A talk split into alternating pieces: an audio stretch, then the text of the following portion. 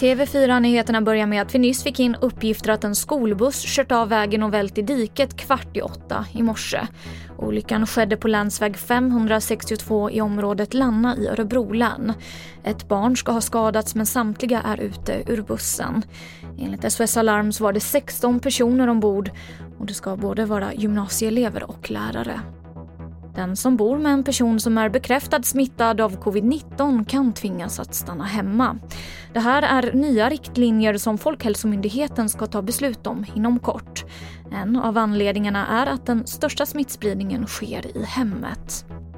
Till sist kan jag berätta att idag så startar hovrättsförhandlingen kring det uppmärksammade fallet med Rickard Lundgren som hjälpte sin svårt ME-sjuka hustru att dö.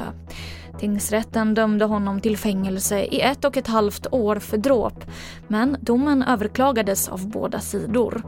Och nu vill Thomas Bodström att det här inte ska ses som en brottslig handling och att hans klient ska frias helt. Idag har vi en helt ohållbar situation där man alltså, om man ger tabletter till någon så går man helt fri.